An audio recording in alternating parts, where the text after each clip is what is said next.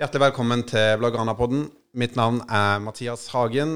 Jeg er sportsjournalist i NRK Sporten, og jeg har tidligere vært skribent i Blaugrana. Ved min side så er jeg Tobias Storeste Dale, eh, fotballnerd og fotballskribent. Velkommen til deg. Takk for det. Og eh, Magnus Inger, som er ansvarlig redaktør i Blaugrana. Velkommen til deg òg. Takk. Ja. Eh, I dag så skal vi innom litt eh, diverse ting. Eh, vi skal bl.a. prate om overgangsvinduet som nå er stengt. Der har det skjedd litt av hvert i Catalonia. Og så blir det å ta for oss Champions League-trekninga. Og etter hvert så skal vi også snakke om litt uh, Xavi-ball, annet. Eh, jeg tenkte vi kan begynne med overgangsvinduet. Eh, Magnus, hva kan vi begynne på deadline, day, kanskje? Hva, hva tenker du om eh, den siste dagen på overgangsmarkedet? Yes, uh, Det var mye som skjedde, rett og slett. Jeg satt jo og fulgte med mer enn jeg pleier. Jeg er ikke noe stor fan av overgangsvindu sånn generelt, og særlig ikke deadline day. Jeg Jeg syns det er hektisk og kaotisk, og det er mange som skal sko seg på å lage Twitch-kontoer hvor de sitter og hyper opp. Eh, Det irriterer vettet av meg, egentlig. Det er også fordi jeg ofte lar meg lure. Men eh, i hvert fall den, Det var jo ikke noen stor overraskelse at han ble hanka inn en høyreback etter at Dest ble lånt ut til AC Milan. Men litt overraskende at det ble Beirin til slutt, eller? Ja, jeg satt og stussa litt. Jeg tenker jo, Det første jeg tenker på der, er jo mer sånn rød løper, moteshow, eh, sorrobart og pedofrakk. Det er det som slår meg umiddelbart. Eh, Don Hector er altså tilbake der han starta. Ett års kontrakt, da. Det tenker jeg er positivt. Han er jo en nøddekning på høyre bekk, sånn jeg ser det. At det er nok tenkt at de skal satse friskere på den posisjonen neste sommer. Håper jeg i hvert fall. Jeg syns det er en helt OK signering. Og ja, jeg veit ikke, jeg. Tipper eh, Stallen er helt greit fornøyd med å få inn Han, han lager ikke store bølger, så det er helt greit. Men eh, Alonso, der er kanskje historia litt annerledes. For jeg tenker jo sånn eh, Nå har vi tre venstrebekker der. Eh, er det litt mange, Tobias? Eh, jeg lurer jo litt på hva som har vært planen, om de eh, i utgangspunktet eh, ønsket å sende Jordi Alba til Inter, som det var mange rykter om. Eh, så, jeg syns det er interessant nå at eh, Balde startet igjen mot Sevilla, så det er helt tydelig at Balde er foran Jordi Alba i køen. Eh, så er jeg veldig spent på eh, hvilken eh, altså hvilken plass i køen Marcos Alonso får. For det kan jo nesten virke som at Savi er, er veldig interessert i å få han inn. Ja, for jeg tenker jo også at det er veldig Jeg, jeg skjønner liksom ikke helt den gangen der, for jeg syns det er veldig rart at Barcelona var så på å få inn Alonso. Han har jo vært rykta egentlig helt siden mai, eller hva det er for noe. Men samtidig, han er i mine øyne i hvert fall tredjevalg på venstrebilplassen. Så spørsmålet er trenger vi egentlig Alonso. Nei, jeg skjønner heller ikke helt hva som var tenkt. da Jeg prøvde å sette han opp mot eh, Jordi Alba. Det var utgangspunktet fordi jeg trodde fram til sesongstart at det var Alba som var førstevalget. Uh, heldigvis har Balde tatt eh, steg som jeg ikke forventa. Hadde håpa, riktignok. Eh, Alonso han har jo litt andre kvaliteter enn Jordi Alba. da Han er ikke, i mine øyne ikke like god offensiv. Han er kanskje litt bedre. Vi snakka litt om det her i siste Ja, vi om det sist. Så at Mm. han var eh, Ja, så de har litt ulike kvaliteter, men at han blir tredjevalg, det kan jeg se for meg. eh, Og da, men da har vi i hvert fall brei dekning, da. Vi kan Og så- og så er det jo eh, Det eh, har jeg også tanken slått meg at eh, nå er, står ikke den seg så godt, i og med at, som du sier, Mathias, at eh, Marcos Alonso var ønsket eh, lenge før eh, Aubameyang var på vei bort. Mm. Men eh, det, eh, det, det kan nesten se ut som at eh, det å eh, få eh, Marcos Alonso inn var en forutsetning for å få Aubameyang ut, da, på et eller annet vis. At, eh, eh, men, eh, men jeg, vet ikke. Det er, for, eh, det er veldig veldig uvanlig at man har tre eh, spillere i venstreback-posisjonen i en eh, tropp. Eh, så det er vanskelig å se dette her som noe annet enn dårlig planlegging.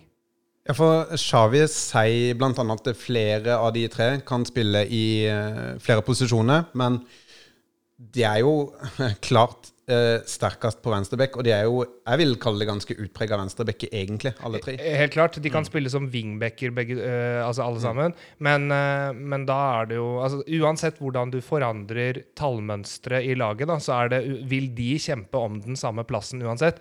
Eh, med mindre du da har tenkt til å ha Marcos Alonso som en, eh, en eh, breddeholder, som, altså en venstre stopper. Ja.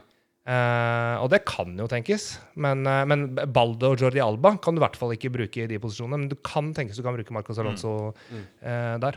Jeg tenker jo, Hadde det vært fjorårssesongen, så kunne det jo være at Balde hadde blitt brukt som nøds, nødløsning, vel å merke, på, på venstre ving. Men nå er det jo såpass godt dekka framme ved- i banen også, Ja. at det er vel lite trolig å tenke at han skal opp der med det første.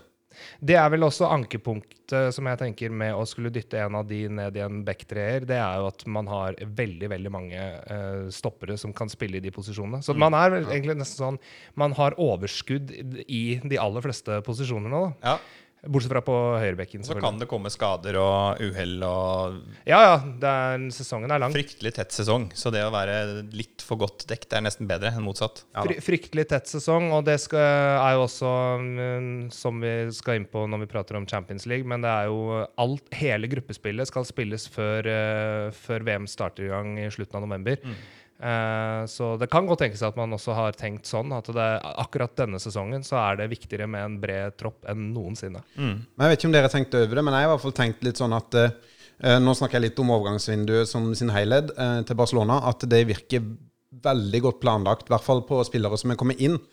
Eh, at de aller fleste som er blitt henta, kanskje med unntak av Beirin, har vært kobla til Barcelona siden mai.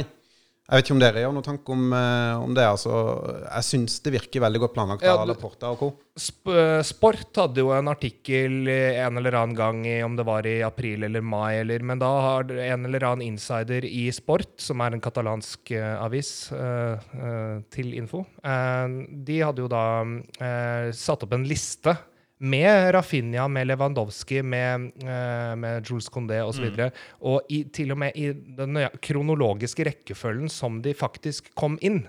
Så det er, jeg er helt enig med deg, Mathias. De, de spillerne som har kommet inn, har vært eh, veldig godt planlagt. Og jeg tror også det har vært veldig viktig. Det ser du ta f.eks. Rafinha. Eh, prisforskjellen mellom han og Antony. De er sammenlignbare på flere De kjemper om den samme plassen på det brasilianske landslaget. Holder omtrent samme nivå. Kanskje Anton er litt bedre. Noen vil kanskje mene Rafinha er litt bedre. Men prisforskjellen dem imellom er enormt stor fordi at eh, den ene ble hentet tidlig i overgangsvinduet. Eh, eller det er mange grunner til at han, eh, prisen gikk opp på han, da, men eh, det er ikke noe tvil, tvil om at det er, eh, det er fordelaktig å få sikret disse innkjøpene så tidlig som mulig i overgangsvinduet, fordi at prisen øker jo lenger mot slutten du kommer. Det er noe helt nytt for Barcelona sin del. Hente spillere tidlig i overgangsvinduet. Ja, altså det er veldig lenge siden uh, at det har virka så godt planlagt. Og uh, ja, jeg vet ikke, jeg er veldig imponert egentlig over hva Laporta og co. har fått til i, i sommer. Helt, helt enig. Uh, det eneste som kanskje ikke gikk etter planen, det var at de ikke fikk inn Bernardo Silva. Hva, hva syns dere om at det ikke ble han til slutt? Jeg vet ikke. Jeg satt jo og stussa litt når de ryktene dukka opp igjen etter en periode. Hvor etter vi hadde fått, eh, fått inn de vi skulle. Tenkte jeg var, altså Vi har jo ganske god dekning på midtbanen. Jeg var jo redd for at uh, Frenkie skulle ut. Jeg ville jo heller beholde han. Uh, og den pengesummen det var snakk om for Bernardo Silva, den, jeg skjønner ikke hvordan det skulle gått opp. Jeg tenker at det her er det det hadde vært et unødvendig kjøp, eh, i hvert fall økonomisk sett. da. Og så kan man jo tenke at sportslig så ville han jo selvfølgelig bidratt. Altså, ja. Ja. Eh, eh, jeg vurderer Bernardo Silva som en av eh, verdens fem beste spillere i sin posisjon, eh, og er ekstremt stor fan av spilleren. Eh, men eh, som Magnus sier, så eh, ser jeg ikke helt behovet eh, for ham, og særlig også da eh, i forlengelsen av at eh, Altså, jeg forstår hvorfor Frenkie de Jong har At man har ønsket han ut. Det handler om eh, den lønnen han har i Barcelona. Men rent sportslig så mener jeg ikke at eh, Bernardo Silva ville styrket eh, Barcelona eh, mer enn det Frenkie de Jong gjør. Tvert imot. Men tror dere det var noe realistisk sjanse å hente Bernardo Silva, eh, sett at Frenkie de Jong blir noe han gjorde, da? Altså, Så dere på det som realistisk? Økonomisk sett, tenker du på? Ja, og bare sånn Fordi jeg tenker jo at uh, den eneste naturlige grunnen til å hente Bernardo Silva, det ville vært hvis Frenkie de Jong stakk fra klubben. For det at uh, Du ser jo bare allerede nå uh, f.eks. Frank Kessi, som jeg anser som en spennende og god signering. Han har jo vært ganske lite involvert, eh, selv om det kommer vel å merke tettere kampprogram osv. Men eh, det er mange midtbanespillere der nå, egentlig. Så det, det gir jo egentlig ikke noe mening å signere Bernardo Silva hvis Frenkie de Jong blir eh, også, tenker jeg. Nei, jeg tror også at det, det, det, det kan også se ut som at det har vært et eh, en, eh, en del av planen om å få Frenkie de Jong ut. Eh, jeg, tror, eh, jeg tror ikke man ville hentet inn Bernardo Silva hvis ikke man hadde fått inn Frenkie de Jong, men at, men at man håpet da på at man skulle få inn eh, både penger og frigjort lønn i, ved å kvitte seg med Frenkie. Og så har de jo vært tydelig uttalt på at de ønsker han inn. Det har de jo sagt. Bernardo Silva også. Sånn at jeg tenker at det legger jo litt Kanskje det legger litt press på neste sesong. At de håper at han ikke skriver under på noe kontraktsfornyelse, og at han kan komme litt billigere neste år. Det kommer noen rykte om Bernardo Silva i januar Det gjør nok det. allerede, tenker jeg. Ja. Det gjør nok det. Men eh, han, eh, det viktigste for min del var jo i utgangspunktet å få ut de spillerne som vi vet ikke ville bidratt noe som helst. Sånn som type en viss danske på topp der, som var veldig deilig å få unna. Martin Brethwaite. Tenk deg- det katastrofekjøpet. Altså, han gikk for man, Tenk deg det. Man eh, leide ut Carlos Carles Perez, som på ingen måte var god nok, men likevel, man kvittet seg med en plass i angrepsrekka. Hentet inn Martin Bra- Braithwaite, som er bedre enn Carles Perez, men for 18 millioner euro. Ja, det det, var tre ganger så mye som han ble hentet til Leganes for eh, ni måneder Ja, tidligere, eller seks måneder tidligere, eller hva det var. Eh, og så ender man altså opp med å betale han ut av kontrakten. 150 000 Eh, euro. 150 000 euro, eller hva det er. Det er, ja, det er helt Det var jo lenge snakk om en fallskjerm på 5 millioner euro, Og- så jeg var veldig glad de fikk ned den. da han, han står for meg som et av de dårligste Barcelona-kjøpene noensinne. Også fordi at han var aldri god nok. Han var bare det eneste alternativet man hadde råd til. Fordi han ble jo kjøpt utenfor overgangsvinduet også, hvis det er noen som husker det. Så, Ja, ja. Ja. Det var jo i anledning Dembélés langtidsskade, var det ikke det? da? Og Luis Suárez sin Ja, langtidsskade. stemme. En av. Dembélés mange, kan vi vel.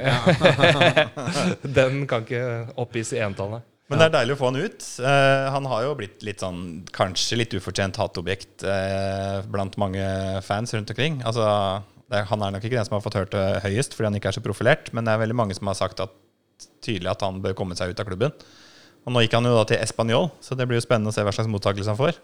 Jeg tror, jeg tror den jevne Barcelona-supporter mye heller vil ha Braithwaite i Español enn Barcelona, for å si Ja, det på den måten. absolutt.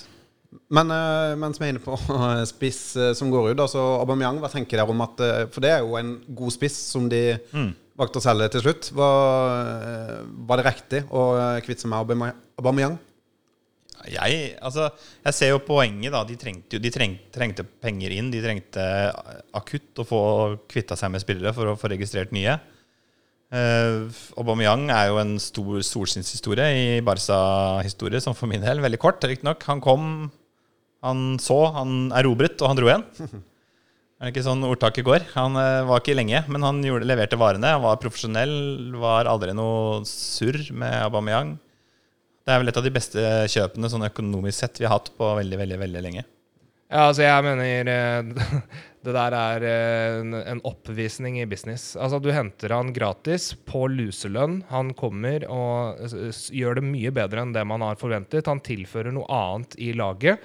Eh, og så eh, fyller han 33 år, og så blir han solgt da for eh, 14 millioner euro pluss en eh, pluss Marcos Alonso. Eller jeg vet ikke om Marcos Alonso var en del av avtalen, han kom vel gratis. Men uansett. eh, eh, en annen ting da, en som har fått mye kritikk eh, nå i sesongstarten, er Ferran Torres. Eh, og hvis man, eh, hvis man Ferran Torres jeg mener er en utrolig god fotballspiller. Er, apropos en som får ufortjent mye kritikk. Ja, Han har ikke prestert så bra, men hvordan forventer du at en fotballspiller skal prestere bra når du får så lite spilletid som Ferran Torres får?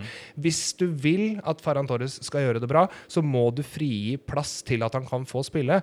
Og um, det er nettopp det at uh, Aubameyang er den mest naturlige eh, backup-alternativet til Lewandowski med tanke på hva slags rolle de besitter. Men husk at også Ansu Fati og Ferran Torres kan spille sentralt i angrepet, men da at man eh, gjør om eh, rollene i angrepet. Og det har man nå eh, fortsatt stor flak eh, taktisk fleksibilitet til Ja, å gjøre, mener jeg. Og nå ble jo Memphis Depay også værende som en slags nødløsning hvis eh, Han også. ja.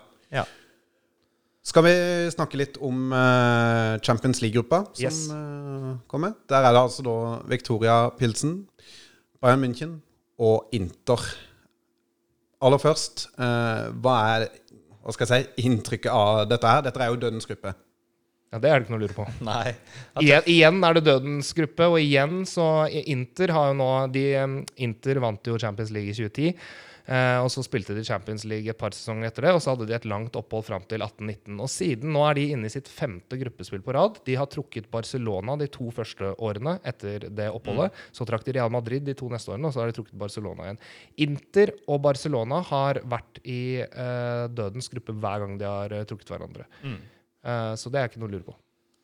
Men det, er- det er jo det som er litt sånn, hva skal jeg si, så rart. For det at det forrige sesong så tenkte i hvert fall jeg at eh, ja, her er det en realistisk mulighet for at vi eh, tar tredjeplassen, eh, som det endte opp med også for Barcelona. Eh, og så tenkte man denne sesongen at eh, nå eh, ser det veldig bra ut. De styrker stallen, god bredde. Men så havner de i dødens gruppe, og det er jo en viss sjanse for at det kan bli tredjeplass denne sesongen også. Helt utenkelig er det jo ikke. Eh, Jeg må jo først si det at i første episode så spådde jo Tobias at vi kom til å trekke Bayern München. Det- Det, var jo det- det gjorde jeg ikke. som talte. Det gjorde jeg ikke. Nei, du sa vi kan fort trekke Jeg, Bayern München. jeg brukte Bayern München som Det at Barcelona kan jo ende opp med å trekke Bayern München, sa jeg. Så det var ikke en spådom. Worst case scenario, og det traff vi jo, selvfølgelig. Ja, for er Bayern München det verste man kan trekke fra eh, pott 1? Ja. Eller City. Eller PSG. Jeg tenker, jeg, jeg heller nok mot at Bayern er det verste, faktisk. Altså. Det er noe med det der maskineriet og det marerittet som Barcelona har hatt eh, med Bayern Ja. München de siste årene, Ja. som gjør at eh, Ja, det blir eh, Jeg syns litt synd på den gjengen som skal mm. til München etter hvert der. Og Men altså, i min bok så er jo Bayern det mest profesjonelle gjennomsyra profesjonelle laget som fins der ute. Altså de, I alle plasser. Det er Ja. ikke noe tull. De tar, de tar ikke lett på altså Av og til i hjemlig liga så kan det hende at de går på en smell fordi de tar litt lett på motstandere, som sist nå mot eh, Union Berlin, var det vel, hvor de røk på 1-1. Eller så er det i Champions League så syns jeg at de går all in, og de gir seg ikke før de har hamra en 6-7 i sekken. Så de, PSG kunne fort vært litt sånn at de tok litt lett på det, blir for mye tull og fjas. Så jeg ville heller hatt de. City har vi jo hatt et noenlunde greit grep på sånn historisk sett, og det har mye å Ja. si, det mentale, inn i det gruppespillet her. Og mot Bayern så kommer vi jo i beste fall med litt sånn revansjelyst. Jeg håper det. Og jeg tror ikke Jordi Alba bør starte mot Bayern München. Det vil jeg bare si med en gang. Jeg, jeg er ikke helt enig med deg. Bayern München under Julian Nagelsmann har jo nettopp eh, gått på en del bananskall. Det, det som har vært symptomatisk for Nagelsmanns Bayern, er at de har et toppnivå som eh, nesten feier gulvet med de utgavene man har sett i Bayern, med Flick og med eh, Pep Guardiola og med Henkes og osv. Jeg syns spillmessig har Julian Nagelsmann eh, sitt Bayern vært på det nivået, men de har gått på disse bananskallene, som mot Union Berlin og som mot Gladbach eh, forrige Men runde før der. Gladbach pleier de jo aldri å slå i hjemlig De tapte vel 5-0 mot den forrige sesong. Men ja. i, bare se Champions League, da. Nå røyk de jo mot Via Real forrige sesong i kvartfinalen der. Mm. Året før så tapte de mot, mot PSG. Eh, riktig. Men, og, og PSG er jo et lag som virkelig Men samme det, vi trenger ikke prate om Men, PSG. men, men jeg vil bare da spørre Tobias. eh, er det noen stadion man eh, At det er Hva skal jeg si? Eh, er det en stadion det er verre å spille på enn Allians som bortelag? Anfield. Det er, det er, det er kanskje eh, Anfield. generelt, liksom? Eller Nei, for eller i Champions League-sammenheng, da. Ja, det er, du, du må jo se på kvaliteten på lagene her. Det er, et, det er forferdelig vanskelig å spille på, øh, på, øh, på Etihad. Det er forferdelig vanskelig å spille på Anfield. Det er forferdelig å spille på Allianz. Og, og det er fordi at mm, de har utrolig gode fotballag, de tre Ja. klubbene. Det er ikke lett å spille på Giuseppe Miazza heller. Nei, for all del. Men, men jeg tror jo da at uh, det, på papiret så ser det ut som at det er uh, tre kanoner og en kasteball. Det, en kasteball er det jo, selvfølgelig. Victoria Pilsen er en kasteball. Men jeg tror at uh, det kommer til å ende opp med at Bayern München og Barcelona kommer til å være veldig nærme hverandre i poengsum. Begge kommer til å ta over 10 poeng, sånn 10-11-12 poeng begge to. 12-13 kanskje.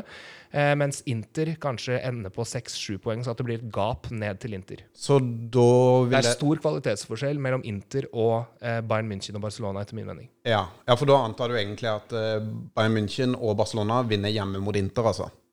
Ja, ja, ja, ja. He helt, helt åpenbart. Og eh, kanskje Inter får med seg et poeng mot en av Bayern eller Barcelona eller begge, og at de da kanskje vinner begge kampen mot Victoria Pilsen. Da står de med seks, sju, åtte poeng. Men mot Victoria Pilsen, der, der kan ikke Barcelona snuble. Nei, jeg tenker ikke vi har råd til å snuble den første kampen. I og med at har, nå har vi jo da Victoria Pilsen hjemme. Der skal det være tre poeng, og det er nesten det eneste som teller. Om vi da skårer syv-åtte mål, eller om vi vinner en knepet seier, det bryr jeg meg ikke så veldig mye om. Det viktigste er tre poeng. Få en god start i gruppa, og så skal vi da til Allianz Arena uka etter. Og der er det vel ikke så veldig mange som forventer tre poeng, men jeg tenker at det er lov å håpe at vi kanskje vi spiller jevnt med Bayern og drar med oss litt selvtillit, og kanskje et poeng også.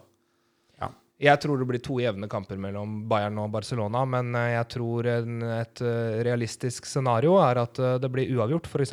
2-2 på kamp nå, og at det blir en knepen seier til Bayern på Allianz. Eventuelt uavgjort. Ja, for det, Bayern er vel egentlig favoritt i denne gruppa her, hvis en skal være Knappe. ærlig. Ja, knappe favoritter. Ja. Eh, tror dere det blir litt rotasjoner uh, mot uh, Victoria Pilsen? Godt spørsmål. Eh, det Ja, det tror jeg. Og det er nettopp pga. det tette kamp... Hvis jeg skal gjette, så tror jeg på det. Eh, og det er fordi at det er et kampprogram nå som er tettere enn det noensinne har vært før. Fordi at det skal spilles VM når de to siste kampene i Champions League egentlig skulle vært spilt. spilt. Eh, og det gjør også at man, man pakker Man eh, fyller inn med en, enda flere seriekamper. Man har eh, tar jo da bort eh, to Eller nei, den ene landslagsrunden ville jo vært i november, men eh, du har en eh, landslagsrunde i september, men du har ikke den sedvanlige som du har, har i oktober, så det tar du bort. Men det vil være mange flere seriekamper og mye flere Champions League-kamper, og dermed kommer vi også til å se mye større rotasjon, ikke bare for Barcelona, men for alle andre lag også. Men jeg tenker jo at eh, den eh, kampen mot Victoria Pilsen, det er jo en skikkelig god mulighet for spillere som Frank Kessi og Ferran Torres å vise seg skikkelig frem. Eh, nå føler jeg at det er på tide at de to får sjansen fra start. Eh, det, det er liksom eh, de to eh, eh, hva hva skal jeg si? Det er de to rotasjonsspillerne som jeg mener er kanskje nærmest en startoppstilling uten å, uten å få det. da. Ja. Eh, samme er Ansu Fati også, men han skal jo inn etter hvert, regner med. Ja da, Ansu Fati er det nok litt andre grunner til at de ikke starter så mye. Fordi Ja. de ønsker å tune han rolig inn i Ja. kampmodus. Men eh, de to som du nevnte, er, det er godt poeng. Og så tenker jeg også signaleffekten fra Chavi ville være viktig der, da, hvis man ikke hvis man ikke stoler nok på en signering til 60 millioner euro Veldig til at han kan poeng. starte hjemme mot Victoria Pilsen, da tenker jeg at det bidrar ikke til økt selvtillit. Nei. Veldig godt poeng. Det er også veldig viktig, uh, dette med den signaleffekten. Uh, og jeg er helt enig med deg, Mathias.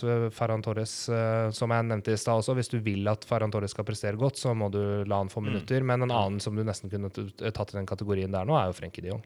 Han er jo ikke, virker det som, eh, blant eh, eh, Savis elleve mest eh, betrodde spillere.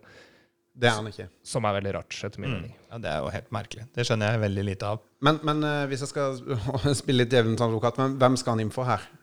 I så fall på midtbanen. Han kunne gått inn i tre posisjoner, etter min mening. Han kunne gått inn som eh, stopperalternativ ved siden av Araujo, hvis du kjører Condé som høyreback. Condé er bedre enn Beirin. Araujo selvskreven som stopper. Og Frenkie de Jong er bedre som libro, enn det eh, både Erik Garcia, eh, Andreas Christensen og Gerard Piquet er eh, som stopper. Han kunne gått inn som defensiv midtbane istedenfor eh, Sergio Busquets. Eh, det er en rolle som han ikke har spilt så veldig mye, og som han ikke har mestret sånn eh, til det fulle enda, men det er, det er den vanskeligste rollen å uh, bekle Ja, i det. Barcelona-systemet. Den trenger du mye treninger. Og han kunne gått inn for Gavi, og med all respekt for Gavi, jeg syns Gavi er en fremragende spiller, men eh, Frenkie de Jong er, eh, er på et høyere nivå enn Gavi. Ja. Det, det er ikke noe å diskutere. Sånn er det bare. Mm.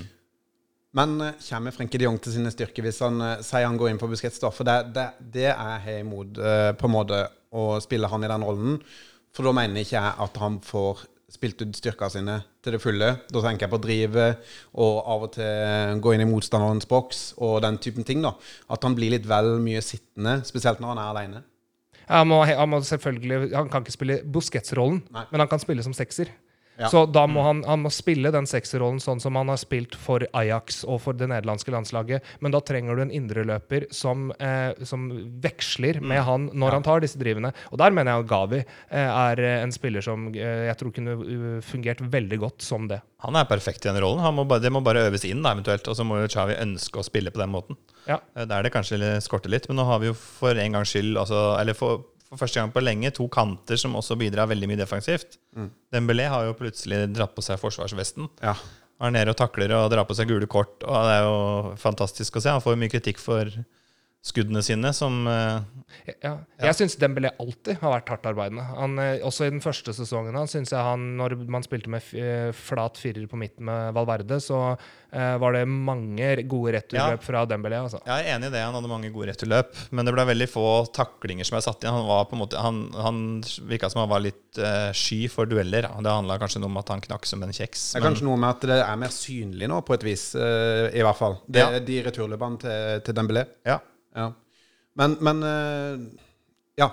Eh, men, men tenker dere da at uh, Frenkie de Jong og Frank Kessi og f.eks. Busquets er en eh, artig midtbane å prøve mot eh, Victoria Pilsen?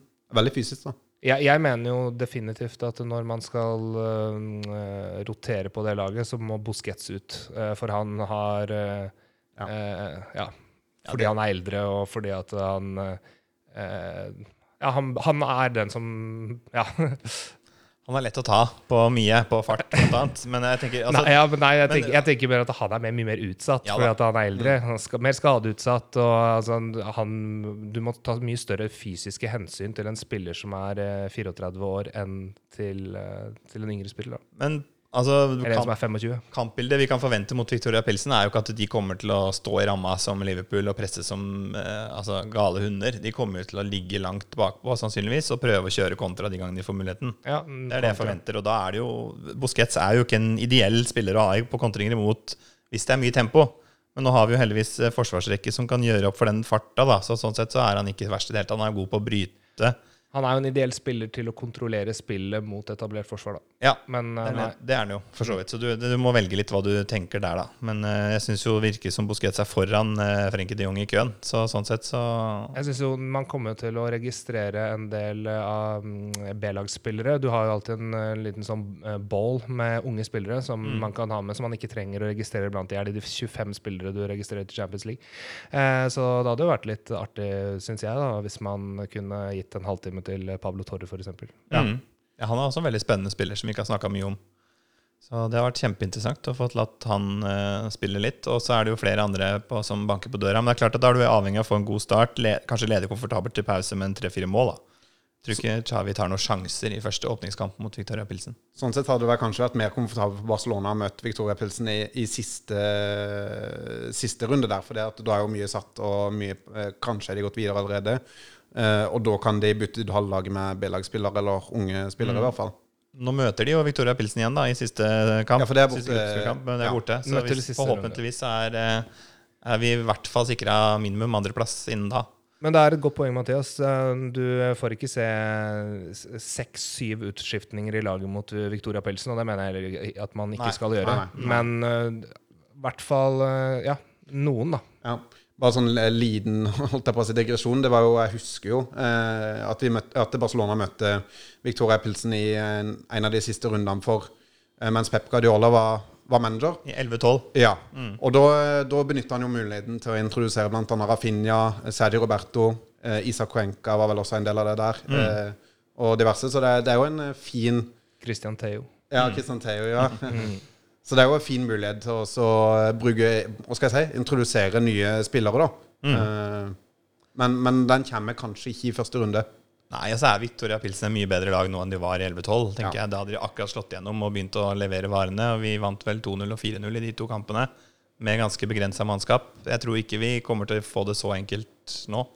Eh, Victoria Pilsen kommer faktisk på tredjeplass i eh, den gruppa. Eh, da, bare, det var deres champ, første Men det var også med Bate Barisov. det, Borisov. det var med Bate, Ja, men, men, eh, men nei, jeg tror Victoria Pilsen eh, Ja, jeg, jeg har ikke noen forutsetninger for å si om de er bedre nå eller da, men da spilte man mot et akterutseilt AC Milan, som, eh, hvor Barcelona allerede hadde vunnet gruppa. Det vil nok ikke være situasjonen når Barcelona møter Victoria Pilsen i siste kamp denne gangen, så jeg tviler på at man får se et rent B-lag mot Victoria Pilsen i den kampen, med mindre det er sånn at Bayern allerede har avgjort førsteplassen, og Barcelona har avgjort andreplassen. Eh, bare for på en måte å hva skal jeg si, avslutte Champions League-delen. eh, hvor, hvor, eh, hvor havner Barcelona i gruppa, tror du, Tobias? Nummer to. Magnus? Det gir jo fryktelig dårlig odds å tippe andreplass her, da. Så skal jeg kline til å tippe førsteplass, da, bare for å være litt kontrær. Det er vanskelig. Ja, jeg tror det blir førsteplass. Ja, spennende. Da er det jo gratis poeng til deg, Tobias. Men eh, det har også blitt eh, spilt litt fotball. Eh, siste kamp var Sevilla. Der vant med en sterk borteseier. Mm. 3-0. Hva, hva lærte vi av den kampen? Nå har jo Barcelona hatt en par ganske gode resultater på bortebane her, da, mot eh, La Real og nå sist mot Sevilla. Så den, det siste jeg leste nå rett før vi gikk i studio her, var jo eh, expected goals, som er så populært nå å måle på. At Barcelona er borte mot Sevilla, som er en blytung motstander å møte når de har dagen. Nå har de hatt en tøff sesongstart, men eh, den var vel oppe i 4,5 eller 5,4 eller et eller annet. Altså veldig høyt. av Det høyeste som har blitt målt expected goals i en bortekamp i topp fem-ligaene hittil i sesongen. Det er ganske imponerende. Vi skapte altså mer nok sjanser til å putte fire, fem og seks mål. Så det var en solid forestilling. Og så var vi selvfølgelig da heldige at uh, godeste Ter Stegen har våkna fra dvalen og virkelig levert fra sesongstart her. Det var viktig. Hadde vi havna bakpå der, så veit jeg ikke hvordan det hadde gått. Det kunne jo i teorien stått 2-0 til Sevilla der i løpet av de første 20. Ja, Det kanskje. var, det var to store sjanser der. i hvert Ja da. Ja, helt, helt åpenbart. Og vi var innom det, eller jeg prata litt om det forrige, på forrige episode også. Dette med at eh, Barcelona ser veldig komfortable ut når de får hull på byllen.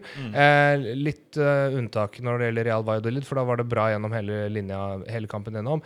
Men, uh, men uh, det er Altså eh, ja, det er veldig veldig imponerende kamp. Ikke noen tvil om det. Men vi skal også huske på det at eh, Sevilla er ikke Jeg tror Sevilla fort kan havne på sjuendeplass denne sesongen. De har, eh, de har mista kanskje La Ligas beste stopper i Jul Condé til Barcelona. Kanskje La Ligas beste stopperpar. Eh, ett av La Ligas Ja. beste stopperpar i Condé og Diego Carlos.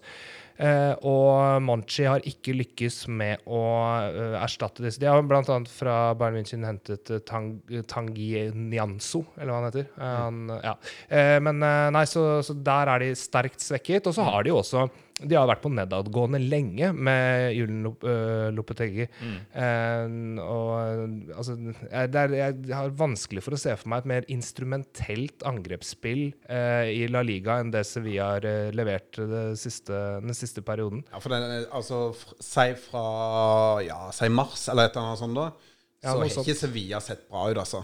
Nei, litt før det òg. Altså, de, var jo, de så jo forrykende ut eh, innledningsvis med Lopeteggi. De var så Ja. dønn solide. Mm. Uh, uh, og når de da mister uh, selve fundamentet eh, i, i Forsvaret, så, og mister den soliditeten, eh, og heller ikke har et godt samhandlingsspill offensivt, så Da holder det ikke med å ha litt Isco-krydder på topp. Nei, Isco var bra, var bra i se sekvenser, han, men ja. Eh, jeg tror resultatet lyver litt da, når vi ser på Og når vi ser på hvilket lag Sevilla faktisk er denne sesongen. Jeg ville blitt langt mer imponert om man eh, leverte det samme mot, uh, mot erkerivalene deres, Real Betis. Kanskje Real Sociedad eh, også er sterkere borteseier, egentlig, enn Eh, ja, det, det tror jeg fort det kan I hvert fall tror jeg fort vi kan si kan vise seg å være det, Det kan fort vise Ja seg å være det, ja. Mm. Um, men en spiller som jeg lot meg imponere veldig over, eh, mot Sevilla spesielt, altså Jules Condé, det ser ut som en kjempesignering. Ja, absolutt. Han, eh, han, har, han har tatt, eh, tatt det med en gang, syns jeg. Han har hoppa rett inn og levert. Eh, Han har jo spilt mer høyreback enn han har spilt stopper, da. Syns han har herlig driv. Han, han er en type som trenger å få brukt de offensive kvalitetene sine. Han, han skal ikke være den bakerstliggende av stoppere. Og så har du på, Når han har spilt høyrebekk, så har han jo hatt litt eh, autostrada oppover der ofte. Og slår gode innlegg. Han hadde to assist nå, sist, mot Sevilla. Nei, veldig, veldig spennende. Jeg tror han er en yppig stoppermakker til eh, Araujo. Ja, jeg håper det du- blir paret framover. Og det er akkurat det du sier der som eh, det, Fordi at eh, Jules Condé er eh, aller best som møtende stopper i et par eh, Mm. en eller eventuelt da i en trevektslinje. Og så, så tror jeg at eh, eh, hans eh, inntog i Barcelona er eh, veldig, veldig lite overraskende. Jeg tror, jeg tror de aller, aller fleste Mm. som, eh, som har sett på Barcelona sine overganger, har konkludert med at den beste signeringen Barcelona har gjort i sommer, er Jules Condé. Ja. Ja. Og det, det, det er det som jeg syns er så kult med Condé. For selv om det er ikke sikkert det, det er sånn han fungerer i praksis, men det ser ut som at han kan spille overalt på banen. Jeg syns alt han gjør, er så bra. Når han tar de dype løpene som eh, forsvarsspiller og eh, innleggene hans sine. Og det er så mye bra ved, ved den spilleren, da. Headinga hans i går, det kan vi utsette litt på. Det var ikke det råeste jeg har sett. Ja, men han er jo, han er jo, han er jo helt Han er eminent i Ja da, lufta. Det er kanskje hans beste, kanskje hans Han er fremste egenskap. Han er så god i begge boksene. Og nå begynner vi Men, faktisk å få litt pondus framover på hodestyrke. Det har vi ikke hatt på lenge. men det er som du sier, Mathias, at han har et spenn i spillet sitt Mm. som er helt fantastisk. Og det syns jeg du ser ved veldig mange av spillerne i laget nå. Pedri, Frenkie de Jong, som er eh, jeg alltid vender tilbake til. Mm. Men eh, ja, det er eh, kom nær komplette spillere. Ja, og det er to pene assister òg. Det innlegget, eller den pasninga, blir det vel da, til, til Lewandowski, var meget pen. Og så traff han jo bra med hodet på assisten, Ja sin, i det minste, da. Han gjorde det. Nei, Veldig veldig bra spiller. Kjempefornøyd med den signeringa. Det var kanskje den stopperen jeg helst ville ha inn når den muligheten bød seg. Ja. Og så må vi jo ikke glemme Lewandowski oppi her. da Vi har jo snakka om han tidligere, men eh, i tillegg til det han medfører rent sportslig, som de aller fleste har god kontroll på, hva er? Han er fantastisk god. Men han har også en naturlig lederegenskaper som er litt vanskelig å få med seg når man bare ser kampene. Altså Man må nesten spole tilbake og følge litt Ja. med på Lewandowski. Han er mye ute og veiver med armer og roper, og den, det har han tatt allerede nå etter tre-fire Han gjorde det med én gang. Ja, en ja, sant. Han di- dirigerer Det er og fantastisk å se. Han, kan, han snakker ganske dårlig spansk, men det tror jeg ikke har så mye å si. Han Nei, har nok pondus til å flytte de der gutta rundt. Han er sin, uh, sin posisjon bevisst, altså sin status uh, bevisst. Og uh, fader Ulland for en utrolig intelligent fotballspiller. Altså. Måten han, han, han oppfatter ting kjappere enn de andre. Så, Ja, jeg jeg blir jo helt uh, veldig imponert. Ja, jeg blir nesten blåst av banen av å se Lewandowski. For jeg, før så var han en type spiller jeg så typ, ja, skal jeg si, en gang i måneden, og så eh, Champions League og, og diverse. Men når man ser han hver helg, altså det, det er så utrolig mye han har ved sitt spill. Og jeg syns det er veldig fascinerende å se hvor kjapt han har tatt alt det med og eh, relasjoner til medspillere, og som vi snakka om her, med lederegenskapene, der han bare går rett ut og peker og dikterer og eh, tar så ansvar, da. Uh, så selv om han er 34 år gammel, så, så mener jo jeg at han er, er verdt en, halv, en halv milliard, eller hva det ble for han, altså. Ja, absolutt. Jeg syns rett og slett det er fryktelig gøy å se Barca spille fotball om dagen.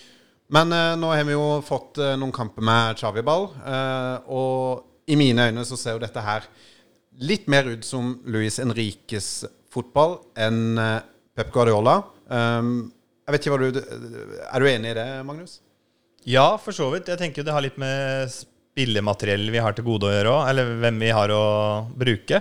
Nå har vi jo mange spillere som er ganske direkte i stilen. Jeg liker det jeg ser. Jeg gleder meg til hver eneste kamp.